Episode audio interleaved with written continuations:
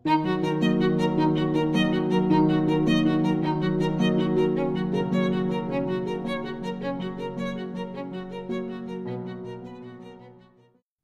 witajcie. Z tej strony Aina Gromada, a Wy właśnie słuchacie podcastu Skrótu Sejmowego, czyli projektu Fundacji Edukacji Obywatelskiej, w którym omawiamy najważniejsze akty prawne, a także przebieg głosowań i debat mających miejsce podczas minionych obrad Sejmu.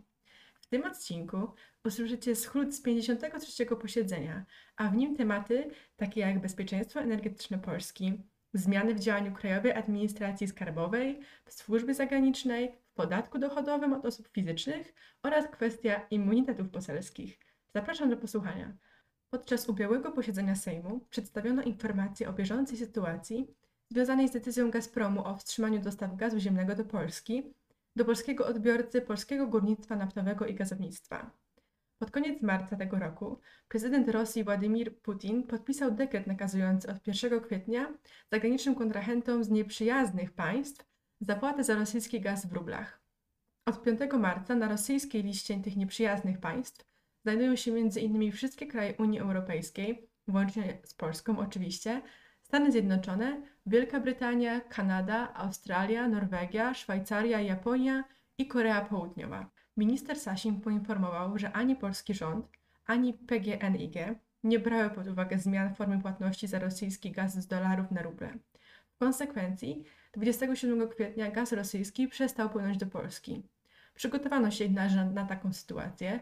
Magazyny z gazem dostępne dla polskich podmiotów zostały napełnione prawie 80%, podpisano kontrakty na dostawę paliw ze źródeł alternatywnych, a budowa jednej z najważniejszych inwestycji infrastrukturalnych gazociągu Baltic Pipe ma zakończyć się w trzecim kwartale tego roku. A o co dokładnie chodzi z Krajową Administracją Podatkową? Omawiany na posiedzeniu projekt zakłada utworzenie e-Urzędu Skarbowego, czyli systemu teleinformatycznego KAS, który stanie się podstawowym narzędziem komunikacji między organami KAS a klientami. System e-Urząd Skarbowy zastąpi dotychczasowy portal podatkowy oraz będzie dostępny w formie portalu lub aplikacji mobilnej. Ma on zapewnić dostęp do pakietu usług umożliwiających kompleksowe załatwienie spraw głównie z zakresu VAT, PIT i CIT online, co ułatwi wywiązanie się z obowiązków podatkowych. Szybsze wydawanie zaświadczeń oraz m.in. łatwiejsze i szybsze udzielanie odpowiedzi Krajowej Administracji Skarbowej na zapytania komorników i innych organów. Przejdźmy teraz do samego systemu podatkowego. Powstała nowelizacja ustawy, której celem, jak czytamy w uzasadnieniu projektu, jest zapewnienie spójnego, przejrzystego i sprawiedliwego systemu podatkowego przez doprecyzowanie oraz udoskonalenie obowiązujących przepisów podatkowych. Przypomnijmy, że to już kolejna w tym roku znacząca zmiana w polskim systemie podatkowym. Od 1 lipca 2022 roku zostanie obniżona dolna stawka PIT do 12%, Zlikwidowano. Tak ulgi dla klasy średniej. Przedsiębiorcy będą uprawnieni do wyłączania składki na ubezpieczenie zdrowotne z podstawy opodatkowania oraz innymi ujednolicono wzór niektórych dokumentów, np. PIT-2. Zmiany nie ominęły również służby zagranicznej. Posłowie pracowali nad zmianą ustawy o służbie zagranicznej, która wprowadza zmiany w obrębie katalogu stopni dyplomatycznych członków służby zagranicznej RP.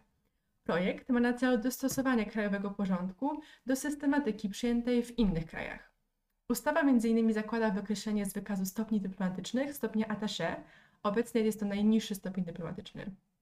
Pomysłodawcy projektu podkreślają, że jest to przejaw zerwania z komunistyczną tradycją, ponieważ ten stopień historycznie występował właśnie w państwach bloku wschodniego. W związku z tym najniższym obecnie stopniem dyplomatycznym ma pozostać trzeci stopień sekretarz. Sejm zajął się również dwoma wnioskami oskarżycieli prywatnych o wyrażenie zgody przez Izbę na pociągnięcie do odpowiedzialności karnej posłów Koalicji Obywatelskiej Sławomira Nitrasa i posłanki Lewicy Joanny Schering-Wielgus.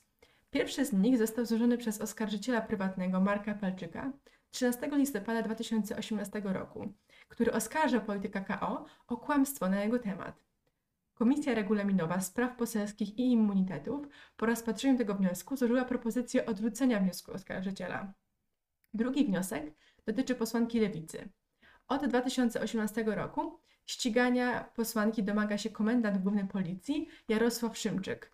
Sprawa dotyczy tego, że 26 sierpnia 2018 roku posłanka Schelling-Wielgus, podczas demonstracji przeciwko pedofilii w kościele katolickim zawiesiła na bramie wejściowej Bazyliki Katedralnej św. Jana Chrzciciela w Toruniu plakat z hasłem Baby Shoes Remember Stop Pedofilii. Do uchylenia immunitetu potrzebna jest bezwzględna większość ustawowej liczby posłów.